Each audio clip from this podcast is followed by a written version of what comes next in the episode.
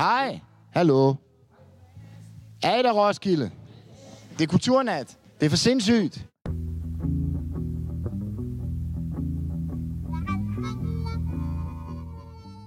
Hejsa. Jeg hedder Morten og arbejder på Biblioteket Frederiksberg. Det her, det er Library at Night. Det er det fedeste, der findes, det er, når der er mørkt på bibliotek. Der er efterhånden ved at være løbet en hel del vand igennem podcaståen her på Leitmotiv-kanalen. Da jeg var lille, der levede jeg på biblioteket nede i Nykøbing. Og til sidst måtte de hente bøgerne op fra magasinet, fordi jeg havde dem af 1800-tallet. Grunden den er, at vi i de senere år har koncentreret os om min tone i livet. En podcastserie, hvor en hel masse forskellige spændende mennesker fortæller om et eneste stykke musik, som af den ene eller anden grund har haft stor betydning i den persons livsfortælling. Men jeg havde det også med det mest forbudte, som overhovedet findes, nemlig Hvordan mor? Det var umuligt at få fat på porno i 60'erne på Falster. Som et lille bonusafsnit og reklame for min tone i livet, kan du her høre en optagelse med forfatter Knud Romer fra Kulturnatten på Biblioteket Frederiksberg fredag den 14. oktober 2022. Der var sengeheste 1, 2, 3, og man kunne ikke låne dem, for så stod bibliotekaren der og kiggede på en. Ikke? Så det, man kunne gøre, det var, at man kunne gå ud på toilettet med sine bøger, soja og sådan noget. Ikke? Var der bare, bare antydning af et eller andet, ikke? franske postkort. En snak om musik og litteratur og poesi. Og en hel, hel masse andet, for sådan er det jo altid med Knud Romer. Vi kommer utrolig langt omkring. Problemet er, at jeg faldt i søvn på toilettet på biblioteket i Nykøbing. Du kan finde linket til min tone i livet i beskrivelsen af det her afsnit. Og da jeg så vågner op, så er de gået og har låst, og der er mørkt. Og der gik jeg rundt en hel nat for mig selv i mørket på biblioteket i Nykøbing. Og ved hvad der sker, når der ikke er nogen mennesker, og der er mørkt på biblioteket? Så begynder bøgerne at tale med hinanden. Så gem jer på toilettet, lad dem låse af, og så skal I bare høre løjer. Ikke? Rigtig god fornøjelse med Knud Romer.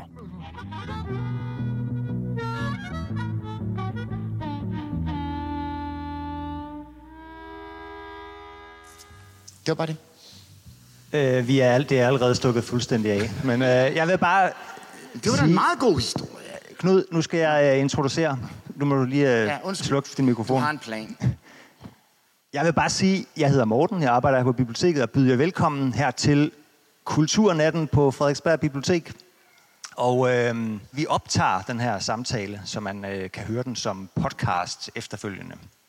Og, Den er allerede blevet ret god. Jo. Ja, og øh, den naturlige konsekvens af det, det er, at øh, hvis man sidder derhjemme i fremtiden og lytter til det her, så kan man ikke se, hvad det er, jeg har taget med, hvilken genstand jeg har taget med. Øh, så Knud, kan du ikke lige beskrive, hvad det er, jeg har i hånden? Jo, fordi at jeg lavede radio på et tidspunkt, og så var jeg nede i Roskilde. Øh, fordi at Radio 24 var startet, og så skulle jeg holde noget, lave noget radio, et kæmpe auditorium. Men der var ingen. Det fede ved det var, at i radio kan du jo ikke se, at der ikke er nogen. Så jeg sagde, Ej der Roskilde! Jeg står her med blomsten af Danmarks ungdom i et fyldt auditorie. Der var ikke en kæft. Det er en violin. Tak. Jeg har ikke spillet i 20 år, så jeg er en lille smule nervøs for, øh, at jeg måske skal til at spille på den lige om lidt.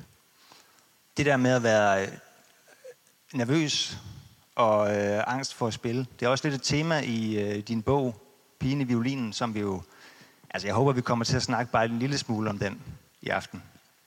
Øhm, du virker ikke umiddelbart som en person, der sådan er nervøs for noget, men er du, bliver du også nervøs, eller hvad kan gøre dig angst for at fejle, Knud?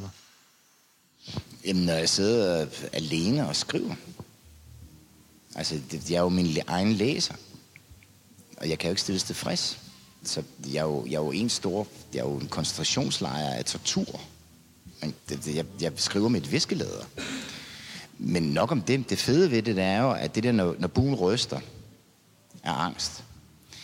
Øhm, det gør den også inde i Danmarks Radio Symfoniorkester. Så derfor, når I, hvis I skulle gå derind, så kan I forestille jer, at alle violinisterne de sidder på beta-blokker. det gør de. Øhm, I gamle dage, der rullede flaskerne ned fra, fra, fra dem, der spiller på horn, ikke? fordi de skal have en våd brochure, altså når de sætter munden til, til, øh, til instrumentet. Og samtidig må jeg jo forestille sig, at der står et ondt menneske af en diktator, sadist, der bestemmer over 150 musikere, der alle sammen er vidunderbørn og har absolut gehør og har øvet sig hele deres liv på det der. Og så står der en mand, der kan det hele og bedre end dem og bestemmer over alt. Der er intet demokrati. Det er ligesom med ballet og elitesport og sådan noget, men folkeskole er fint derude. Nej, hvor, hvor skal vi hygge os og blå stue og inkluderende, og nu skal vi også have gruppearbejde og sådan noget. Det eksisterer ikke i kunst og ikke i elitesport og det er disciplin. Men disciplin betyder også bare at bemestre noget. Alt er disciplin. Sprog, og være tømmer og så videre. Det, det er jo bare at bemestre et udtrykssystem. Og blive mester i det. Men at blive mester, det er jo bare at være håndværker. Der i gamle dage, der, hvis du var heldig, fik du et job, og så kunne du sådan gå rundt, og så kom du på valsen og sådan noget. Mester, det er, når du bemestrer dit håndværk og bliver dygtigere end ham, der har ansat, og så laver du et mesterstykke. Men det bliver til sådan noget kunst og sådan et eller andet. Ikke? Nej, vel er det ej. Det er en disciplin, et håndværk, som du lærer at bemestre. Når du kan det, så laver du et mesterværk, og så er du klar til at kunne få penge for det. Du kan det. Når de så står der og er pisse nervøse, betablokker, alle violinisterne, flaskerne rullede ned, fordi kan I forestille jer, at der står den der diktator, der kan udrydde dig på stedet. Han kan knuse dig. Han kan smide dig ud af orkestret. Og så står du en halv time og er solotrompetist og venter på din indsats. Og så skal den sidde lige i skabet. Hvis du spiller forkert der, så er du død. Du synker i jorden. Du er færdig. Alkoholikere, narkomaner. Altså, kan I huske dengang, hvor, hvor balletten havde et problem med kokain? surprise. Og det var sådan, nej, det er kongehuset, og det kender vi ikke noget til. Ikke? Er I sindssyge? De er på så meget smertestillende på så mange præstationsstoffer. Altså, når du har sådan noget Tour de France, det der hyggeleri. Når nu er der doping. Når er der det. Hvordan tror du, du får et menneske til at pine dig op af det bjerg? de var så meget på speed og amfetaminer og på præstationsfremmende stoffer, at det er for sindssygt. Det er umenneskelig smerte, udholdenhed. Så nu prikker jeg dig i siden med min bue. Hvis du ryster på buen, så skal du til at drikke. Jeg ryster en del på uh, buen. Men Knud, nu vil jeg spille et lille stykke musik for dig. Tak skal du have.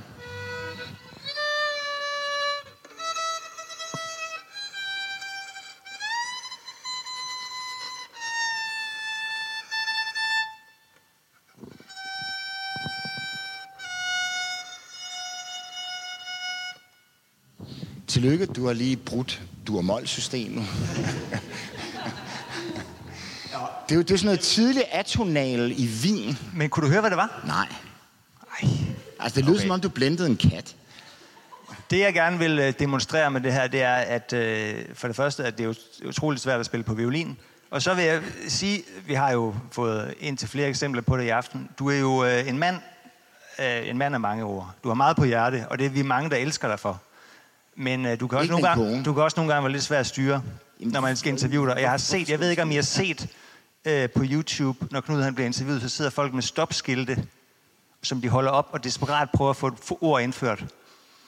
Det, jeg har gjort, det er, at hvis jeg synes i løbet af de næste 40 minutter, at øh, vi bevæger os lidt for langt ud af en tangent, eller du snakker lidt for lang tid, så tager jeg violinen frem, og så bliver det værst for os alle sammen.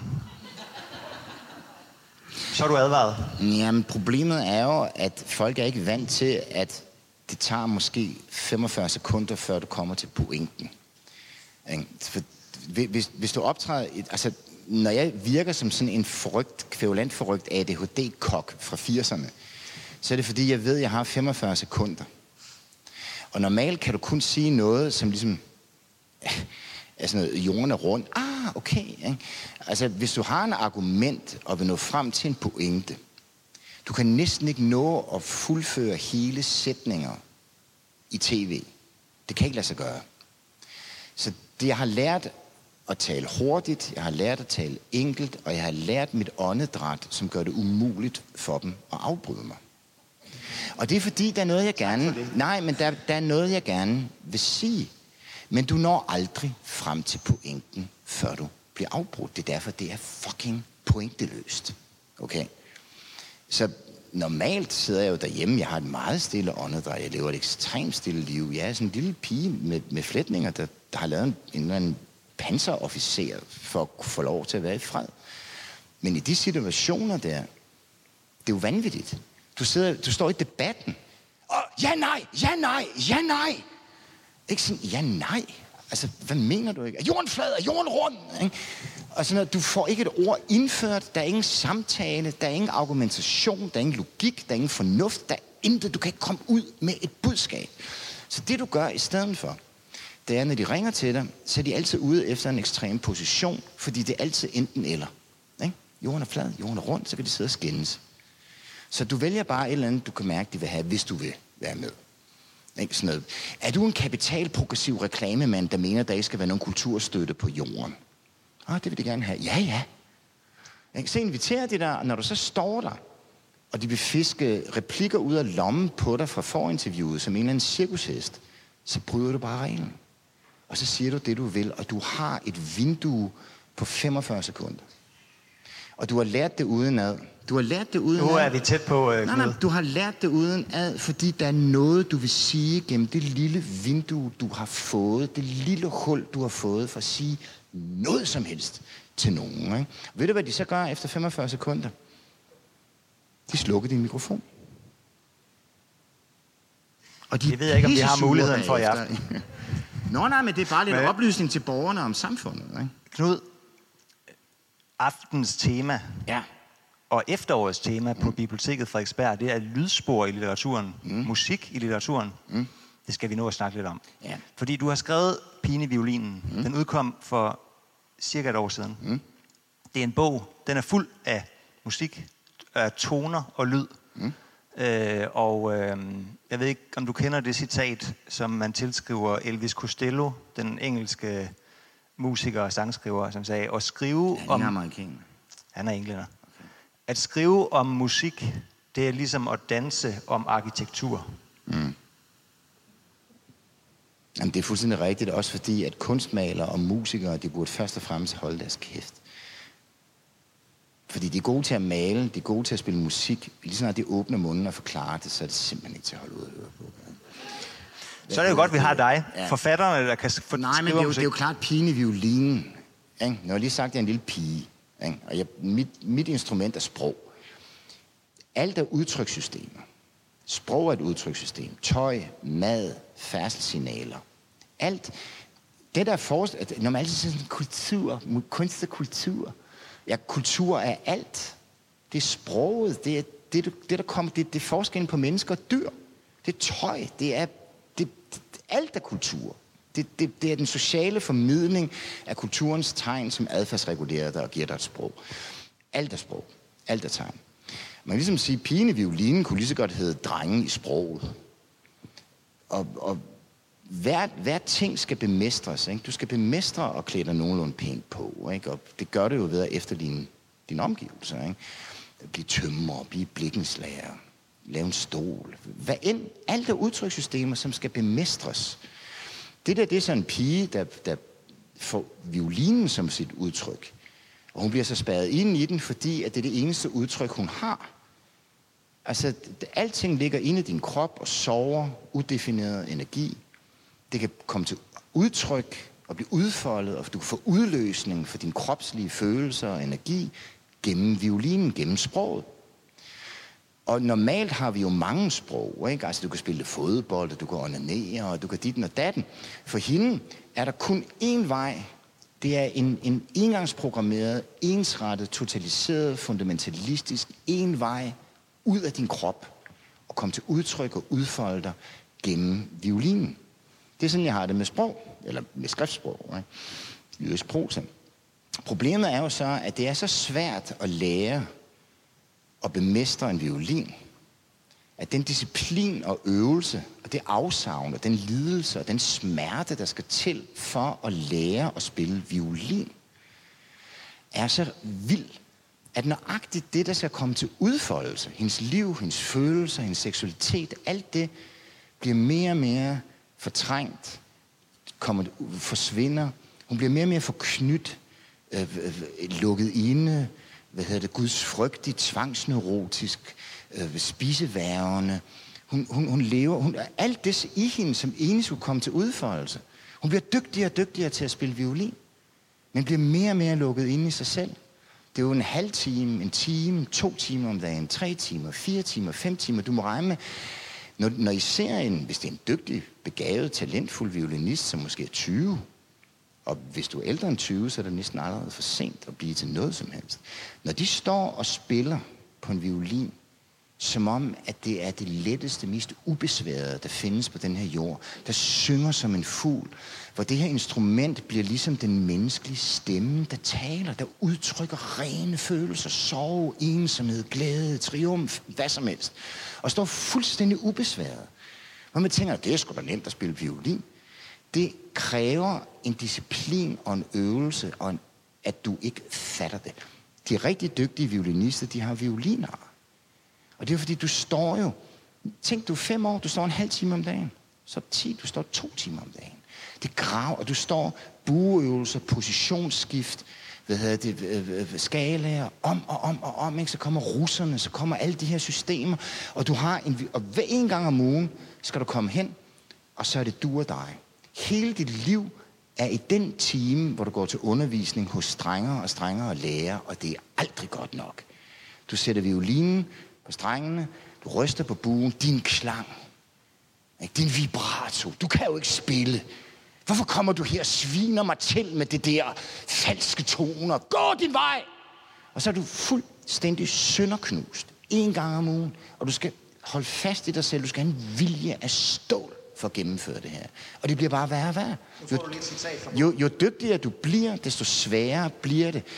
Barn bliver løftet hver gang. Du kan aldrig, det er aldrig godt nok. Og kan du forestille dig, hvordan det er at leve sådan der? Ikke? Det vil sige, jo dygtigere hun bliver teknisk, desto mere af det, som skal komme til udtryk gennem violinen, bliver undertrykt. Så hun spiller iskolde toner. Det er noget, der er i musikken, specielt blandt, blandt violinister, det er kolde toner. Og det er toner uden følelser, uden vibrato, uden varme, uden at du udtrykker noget. Det er ren teknik. Så hun, hun bliver til sidst en virtuos teknisk. Og det er iskolde toner af en lille pige, der sidder spadet inde i violinen og ikke kan komme ud. Og det er da noget af et skruestik, er det ikke? Der står her i bogen, man stod over for et valg og kunne ikke vælge både violinen og livet, som det ellers tog sig ud og hvad det tilbød. Det var det ene eller det andet, alt eller intet. Og hvis det mislykkedes, mistede man begge dele samtidig. Et hvad? Hvad var det sidste? Og hvis det mislykkede, ja, det er da klart, ikke? At man begge hvis du satser alt på én ting, og så mestrer du ikke det, ja, så har du mistet både det ene og det andet, ikke? Du giver dit liv for at kunne bemestre et instrument, et håndværk, et eller andet, en disciplin, og så lykkes det ikke. Ja, du har givet det dit liv, så har du både mistet dit liv og det, det skulle blive til, nemlig instrumentet, ikke? Og det, man glemmer, det er jo, at hvis I, går ind, hvis I skulle gå ind i balletten, på trods af, at Socialdemokratiet mener, at og Inger Støjberg, de, de københavnske salonger, er, er du klar over, altså at blive operasanger, det kræver, at du øver dig fra du er fem. Så er det spirekor, børnekor, juniorkor, altså, så er det forberedende, så er det konservatorie, så er det mesterkurser. Når du er blevet 30, har du måske gjort, at din stemme er blevet et instrument, og du har brugt hele dit liv på det. Hvis der skulle blive en plads ledig i operakoret, og det er sjældent, det sker, så står du i konkurrence med samtlige sangere på kloden. Og russerne, de er gode. Det er nemlig artistbørn. De er blevet pint og pladet til at være dygtigere end de andre. Så du, du, du, du står bag en skærm og synger, der er ingen, der aner, hvem du er. Der er ingen, der bliver optaget. Hvis du nu er så dygtig, at du bliver optaget, hvad får du så i løn? Du er 30, du har brugt hele dit liv. Hvad får du i løn inde i de københavnske salonger? Du får det samme som en buschauffør. Øh, øh, øh, øh. Mm, mm, mm, mm, mm. de fine mennesker. Så hvis I går ind i balletten, så tænk på, at, at de piger og drenge der, de har siden de var fem år, har de givet deres liv for at kunne udvikle deres krop til et instrument, der kan udtrykke hver følelse i kroppen. De har gjort gebærder, nu vi står sådan, at vi kan sådan et par stykker, ikke? Sådan noget, ikke? Deres gebærder er et udtrykssystem, hvor det er det danske, den, de, den, de danske faktor er blevet til et udtrykssystem, som kan udtrykke alle følelser på den her jord. Og det har kostet... Deres, har du nogensinde set balletpigers fødder? Er du klar over, hvilket smertehelvede de lever i? Og det er da klart, de har jo ikke tid til at gå i byen. De har jo ikke engang tid til at gå i folkeskolen. De fleste af dem har aldrig, de, de, de ved jo ikke, at 2 plus 2 er 4. De er dumme som dør. Men det kan det der. Og det, man har glemt, det er jo, at det er jo ikke sådan, at, at det at, at, at, at kunne præstere noget skal være en smerte og en tortur. Men man bare ligesom glemt, ikke, at hvis du vil være verdens hurtigste løber, eller verdens bedste violinist, eller være en balletstjerne, så er det ikke bare sådan, du ved, så er der god stue, og hvis vi vender stolene om, så er det innovativt. Og, altså, det, det, er, det er en disciplin. Kunst, det er professionel udøvet kultur. Og ved du, hvad man skal have for det? Penge. Skal betales for det der. Og det sjove er, at der er ikke nogen, der er villige til at lægge en krone for, at der er andre mennesker, der har givet deres liv for at udtrykke vores følelser på vores vegne og, og, og præstere det ypperste man kan inden for musik, eller ballet, eller en dygtig sneker, eller et eller andet. Du skal jo sneker og håndværker, de kan sgu godt skrive en regning. Ikke? Men, men det, man har glemt det, og man har glemt det at værdsætte det. Og i stedet for sådan, øh, det er kultursalongerne, og hvis det ikke er karbonade med dildip og revy og bingo, så er du en snop og et eller andet. Det, det er helt skrubskørt. Du spiller ikke musik. Du Jo, det skriver. gør jeg faktisk. Du spiller på det danske sprog strenge, siger du. Men ja. er det det samme for dig, kunsten eller livet? Jamen, det er det jo desværre. Men jeg synes jo ikke, det burde være mening. Og der er jo masser, der er i stand til at leve et helt og fuldgyldigt liv og skrive den ene bog efter den anden. Og have et dejligt liv og sidde og drikke te, øh, få nogle legater og have børn. Og, og, og for mig, der lykkedes det bare ikke, og måske var det, fordi det var for svært i virkeligheden. Jeg var ikke... Jeg ved det ikke. Det var meget, meget svært at knække det danske hold kæftbolse, indtil det blev flydende. Og jeg gav det mit liv. Jeg har øvet mig, siden jeg var 13. Og, og det sjove er, at det der med litteratur og sådan noget, ikke? Jeg, jeg så en dokumentarfilm med Eminem, og det viser sig, at ham og mig, vi har skulle gjort det samme, da vi var i puberteten. Og det var, at han skulle lave raps og sådan noget. Du ved, rime på kryds og tværs og få sproget til at synge. Jeg gjorde det samme. Jeg gik og opløste det danske sprog og prøvede at få det til at klinge. Og få, prøve at få at tale sproget efter munden. Fordi det, som er så fedt, det er, at hvis du vil sige noget og mener noget og ideolog, så taler du ligesom på træsko gennem det danske sprog, fordi du vil komme et eller andet sted frem. Ikke? Sådan blop, blop, ikke? Hvis du i virkeligheden taler fra en position af intet, og bare vil have sproget til at synge som fugl og befri sproget, det er pisse svært at komme derhen. Men når det sker, det er sådan en fonetisk eufori, hvor det, dan, hvor det nærmest er folkemunden, der åbner sig i dig, og du taler sproget efter munden. Og det er, det, det er ligesom at være en solsort, der bare synger, og hvor det ikke handler om andet end at bare give udtryk for lysten ved livet. At findes. At komme til udtryk. Og man kan måske høre det, fordi da jeg var lille, det var sådan noget med, øh, hvordan, hvordan, hvad rimer på drukkammerater? Rart, at jeg har dig. Ikke? Bliv ved med at oplyse det, oplyse det. Og det, det var det samme som Eminem. I gamle dage, hiphop, det var sådan noget med enderim. Men når det skal klinge, så er det hele sproget, ligesom strenge, der, der, der, der, der bare sådan klinge, det briller. Og man kan måske høre det, fordi nu er jeg blevet 62 og skal snart dø, og nu kan jeg det omsider. Men det har krævet ekstrem øvelse. Jeg har lige skrevet sådan en lille lidt digt, der hedder Forår. Og der skal man tænke på, at jeg er også faldstreng. Og det er ikke uvigtigt, fordi at dialekter er det sungne dansk. Rigsdansk findes ikke. Det er faktisk en eller anden handelsjyde, der er kommet til København, og så er det blevet til rigsdansk. Ikke? Men det sprog, altså egen, noget, der hører til et sted og hører til, Det er mærkeligt, det hedder at høre til, som om det er et sted med klang.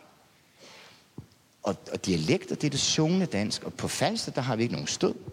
Nu har jeg jo så været i København, siden jeg var 18, så det er jo gået i smadre, når jeg taler. Men når jeg, når jeg tænker, min, min, min følelsesliv er ligesom en solsort, der synger på falstersk.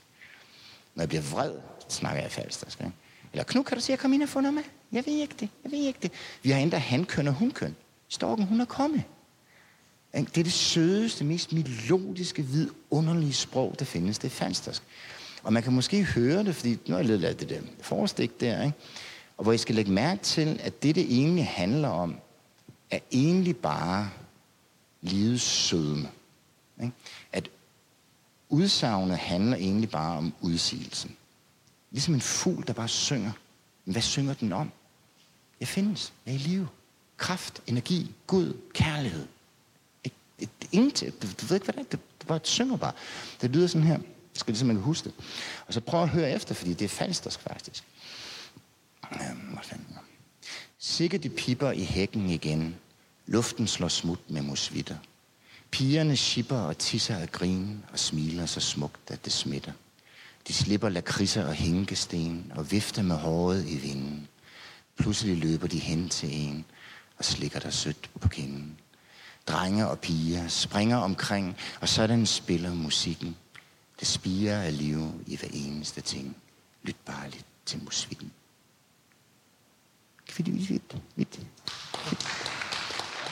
Og det er, jo, det, er jo, det, er jo, det er jo drømmen om at kunne synge i det danske sprog, ligesom en, en pige kan synge. Der står et sted, jeg holdt min stemme i hånden. Og, og det at kunne... Man tror altid, at det at skrive er noget materielt, og det at tale er noget åndeligt. Det er lydbølger, det er ligesom runesten, du, du, det er materielt. Og det at få fange sin egen stemme,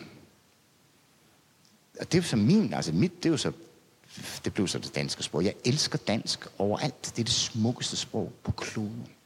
Den største digter på kloden nogensinde i min bog, det er Rilke. Han sang i det tyske sprog som, som lærke. Det er det smukkeste, der er skrevet nogensinde. Ved du, hvilket sprog han satte højest på den her jord? Dansk. Det var ikke kun på grund af Ibe Jacobsen og Kirkegaard, men det er, fordi folk tager fejl. De tror, at musik er en C-dur. Du ved, sådan noget, sådan noget sfærisk, et eller andet, der er bare velklart. Musik er konsonantsammenstød. Det er det er musik. Og det danske, prøv, prøv at sige, sige, hvor mange vokaler er der i, øh, i angst? Der er en. Kan du forestille dig, når folk de kommer til Danmark og skal sige angst? NGST. Okay, tak. det, er jo, det er jo for fedt. Ikke? Og, og, altså, og, og, og synge, det, det, er, det er sådan det ypperste. Jeg kan huske, da jeg skrev min ABC, da jeg var 30. Fordi jeg jo ikke, der var ingen, der udgav en stavelse af mig, inden jeg blev 46.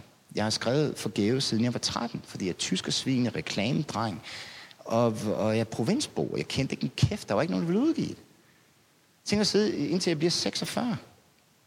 Og da jeg var 30, så var jeg så lille og blevet så udraderet. Jeg tænkte, nu prøver jeg at skrive en ABC.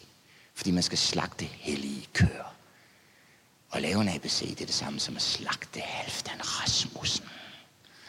Og så skrev jeg min egen, som ikke er fjollet. Og jeg skrev den på en weekend på stoffer og hvidvin, og havde fonetisk eufori, og, og der var ikke en kæft, der ville udgive den. Jeg, jeg fik jo ikke engang afvisning, jeg fik trusselsbreve. Nå, fire rimede, fire rimede linjer. Nej, hvor hyggeligt i det 20. århundrede. Rimer, man. Skriv det også festdakkende selv. Du kan sælge det til fucking gajolæsker, din idiot. Ikke? Jeg fik den udgivet, da jeg var, hvad, 55. Det tog mig 25 år for det lort udgivet. Og det fineste af dem, det var alle sammen dyr. Og det er alle sammen sådan paradoxer, og det er jo poesipyre i det. Det, det, det. det er så, hvad det er. Man kan ikke se det. Man skal skjule det, og det skal være lige ud af den vej. Men da jeg kommer til lærken, jeg er jo vokset op med, med saltvand i håret, og, og lærken i øret, og falster, ikke? Altså, Østersøen, der sådan bruser ind, og der er så højt til himlen, og der er så fint. Ikke? Og lærken hænger der. Ikke? Jeg siger, hold kæft, man, når man skal skrive om en lærke. Ikke? Det hedder man lidt op. Så tænker jeg, nu vil jeg smide et el så højt op i himlen i det danske sprog, at den aldrig lander igen. Og der var jeg på, på altså min kæreste nu, hun siger altså, Knud, psykoseklokken ringer. og det er, når jeg sådan skal hen på landingssofaen og lige sove en uge. Ikke? Men prøv at høre det her. Lærken letter fra dit hjerte og slår triller i det blå. Når du lytter til en lærke, kan du mærke hjertet slå. Det er så enkelt. Det er så banalt. Det er kliché. Det er det sværeste at skrive af klichéer. Kliché, det er sådan et værdiladet ord for, for ritual. For det der er alment. For det der bare... Det, det, afsenderen forsvinder. Det er det danske sprog, som taler selv. Og det er rent, og det er fint. Det ypperste, man kan opnå, det er, at sproget taler selv. Forfatteren forsvinder, og hvis det kan blive en del af det danske sprog, så er det det ypperste. Det er jo drøm. Jeg drømte mig en drøm i nat. Hvem har skrevet det? Who cares? Det fedeste er, der er den. Ikke? Og du skal jo lægge mærke til, at lærken letter, lærken letter fra dit hjerte. Det vil sige, det er herinde. Ikke? Det er hjertet. Hjertet er jo ikke, det betyder jo ikke noget. Det er bare liv.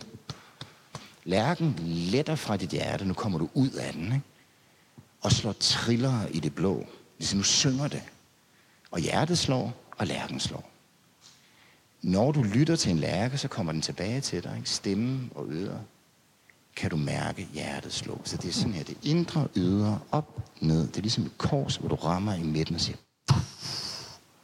og så siger du, der er ingen, der har skrevet det. Det er bare det danske sprog, der synger. Giver det nogen mening overhovedet? Så fik jeg det lort udgivet om sider, ikke? Jeg har altid gerne vil skrive en julekalender, fordi jeg elsker julen overalt.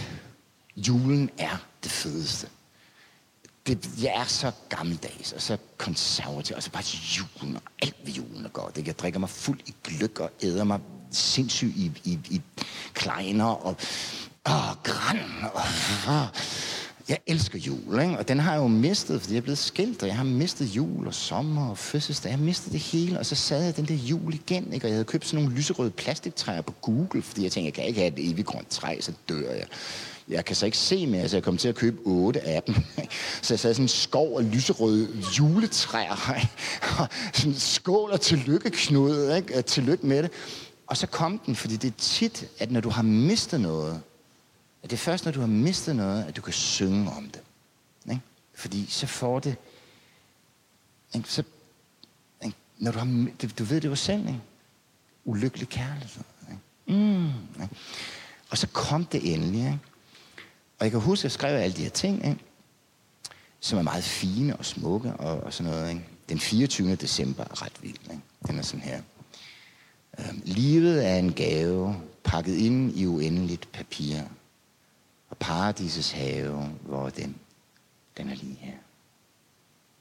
Pakket ind i uendeligt papir. Hvad er der inde i? Nada. Og det er nærværet, ikke? Den er lige her. Det er at gøre intet til absolut nærvær. Nå, da jeg var mest forrygt, der drømte jeg nemlig igen om klichéet. Fordi det at give liv til klichéer er det ypperste. Det er sjovt, folk vil altid være avantgarde og overskridende og fornyende og who cares?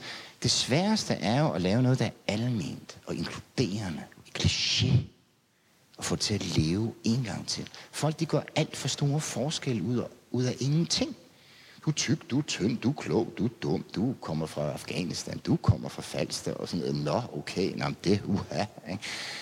De gør alt for store forskelle, hvor der ikke nogen er.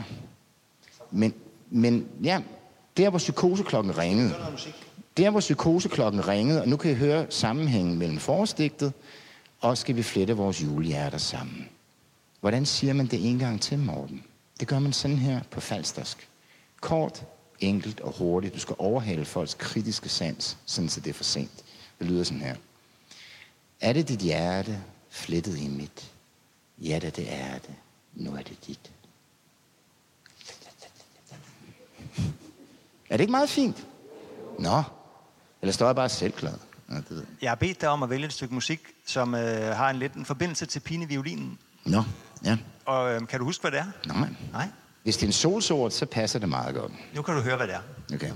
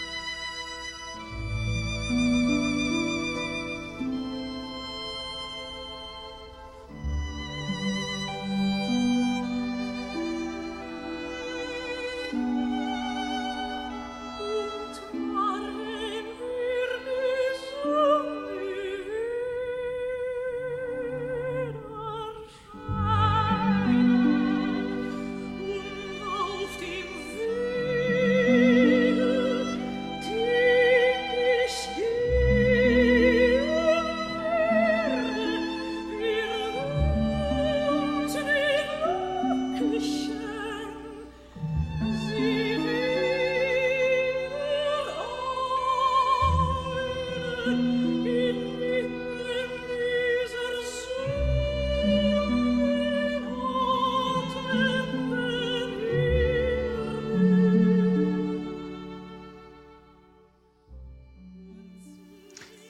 er det her, vi hører?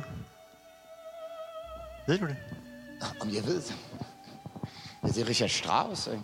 og det er Elisabeth Schwarzkopf, som ligner min mor på en prik i øvrigt, som er den koldeste, koldeste, du har af dem. Hun er iskold. Og det var hans sangerinde. Ikke? Og det er om morgen, det her, det er Richard Strauss, ikke? og der kan du jo høre, hvad jeg snakker om. Ikke? At violinen bliver til en stemme, din stemme bliver til et instrument, og det kan udtrykke en vemod, og en, en smerte, og en inderlighed, og en følsomhed, som du ikke finder i noget andet.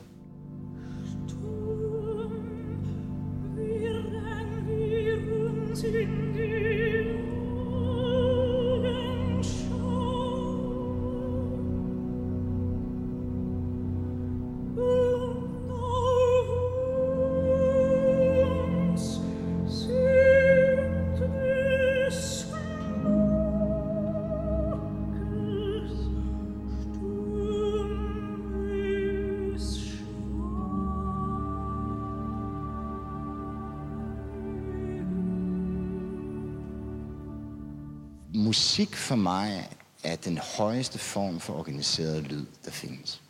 Det overgår sproget. Af den simple grund, at sprog har hele tiden brug for billeder, for ting. Det knytter sig til ting. I, i, i lyd og i musik, der falder ting bort. Ting og tanker bliver til toner. Og det spiller direkte på dit følelsesliv. Og vores følelsesliv er den ældste del af hjernen. Det er der, hvor drifterne og instinkterne sidder. Og det er sjovt, ikke, når man altid siger sådan noget følelse eller fornuft, ikke, og du er følelsesstyret. Og sådan noget. Det er jo idioter, de aner ikke, hvad de snakker om. Fordi en ting er at have en forestilling om tingene, men de skal også fortolkes. Det er følelserne, der fortolker tingene og fortæller dig, om det er godt eller dårligt eller skidt eller kanel. Folk, der ikke kan fortolke ting med følelser, de er skizofrene. Hvilket den største lidelse i skizofreni er, at du ikke kan følelsesmæssigt differentiere. Kan du forestille dig det? Hvad for en smørbrød vil du have?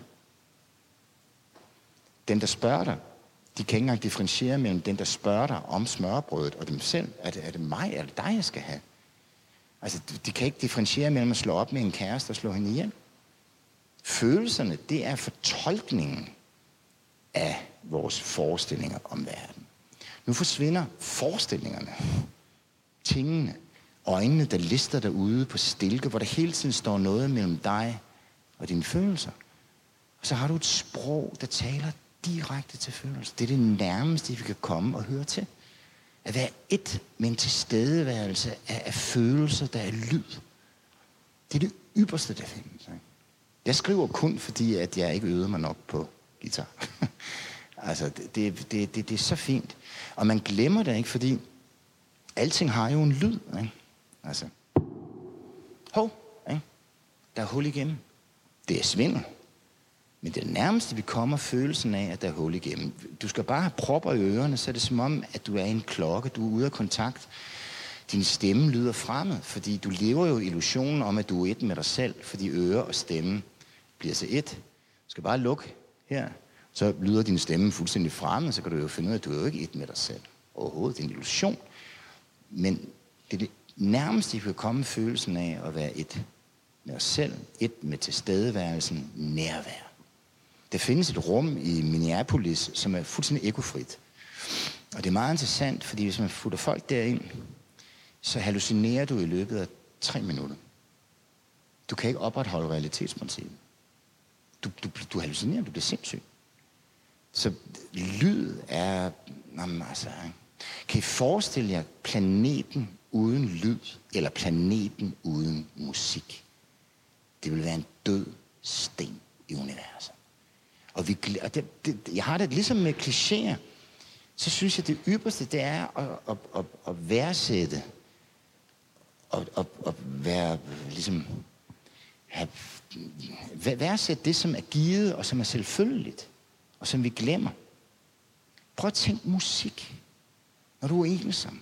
Når du er ked af det. Når du er lykkelig. Musik, det kan få, det, det, det, det, det kan få dig til at gå i krig. Musik, det bringer os sammen i et kor. Vi synger til fødselsdag og jul og nytår og sådan noget. Ikke? Altså, musik er, det, er for mig, det er livet på planeten. Ikke? Det er det ypperste, der findes. Og uden musik, am for fanden. Ikke? Men hvad er altså musik for dig? Hvis du siger en lyd, det kan være musik? Nej, det siger jeg ikke. Jeg siger, at lyd er den højeste form for organiseret lyd.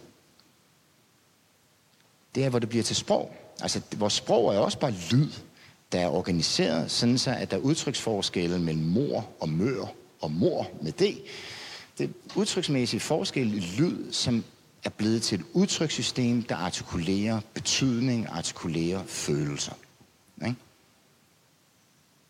Det giver det vel meget god mening. Ikke? Altså, du har jo noder. Ikke? Det er jo ikke bare sådan... Så det, det, det er jo vanligt. Altså, folk glemmer jo, at udtrykssystemer, Hvordan fanden skal man forklare det? Altså prøv en gang, der, forskellen mellem mennesker og dyr er, at, at hvis du skal have dyr til at have en adfærdsregulering, ja, så skal alle de dyr, der, hvad, hvad skal vi sige, alle dyr, der skal lære at gå over for grønt og stoppe for rødt, der skal så først alle de dyr, der går over for rødt, køres over.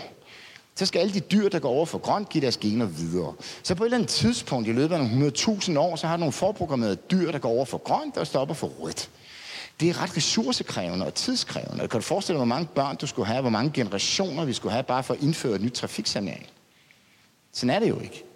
Det er jo fordi, at vi er i stand til at have kulturelt, socialt formidlede udtrykssystemer, som adfærdsregulerer dig, og som går op i din hjerne og lærer dig, der er begyndelse og ende. Du, du lærer alt. Børn ved ingenting. Hvorfor tror du, de skal høre et eventyr om og om igen? Det er, fordi hvis du ændrer det næste gang, så er det først forfra igen. De aner ikke, det findes. De aner ikke, de skal komme fra begyndelsen til slutningen. Det er udtrykskæder. Så hvis du tager et barn i stedet for, kan du forestille dig, hvis børn var ligesom dyr, så bliver de født, ikke? og så siger de, hej, tak for i dag, og så går de. De kan ikke en skid, de er fuldstændig passive, de skal lære alt. Kultur- socialt formidlede kulturelle udtrykssystemer. Hvis vi nu bare tager rødt og grønt, så tager du et barn derhen, ikke? og så går du over for rødt, så giver du dem en ordentlig lusing. Ikke? Idiot. Uløst. Så går de over for grønt. Så giver du dem en bold, og siger, nej, hvor er du sød. Og så har du en udtryksmæssig forskel. Rød og grønt, rød og grønt. Og så har du en lyst og en ulyststruktur. Ikke? Og vi følger jo lyst. Vi er jo ikke idioter. Ja. Vi følger gevinst og lyst som alle sprog alt er udtrykssystemer. Om det er færdselssignaler eller tøj eller sådan noget, som du har lært. Og hvor du har knyttet lyst og ulyst til det. Og så følger du lysten og gør, hvad der bliver sagt. Så, så musik er jo også bare et udtrykssystem. Ikke?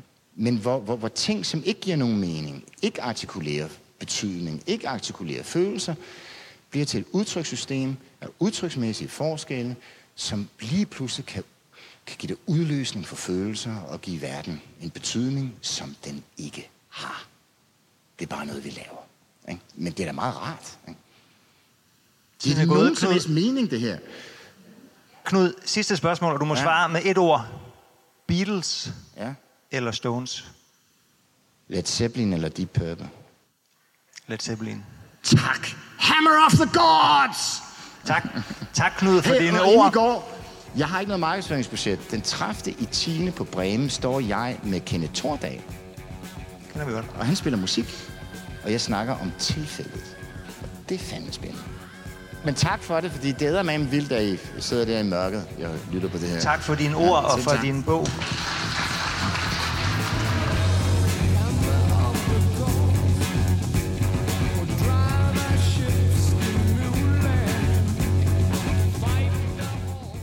Tusind tak, fordi du lyttede med. Afslutningsvis vil jeg bare sige, at du altid kan gå ind og høre de gamle afsnit af Min Tone i livet. Og hvis du har lyst til at gøre os en kæmpe stor tjeneste, så må du endelig gå ind og smide nogle stjerner eller en anmeldelse efter Min Tone i livet, der hvor du normalt lytter til podcasten. Så kan vi forhåbentlig få algoritmerne til at sende os ud til endnu flere. Vi er tilbage en længe med nye afsnit af Min Tone i livet på Genhør.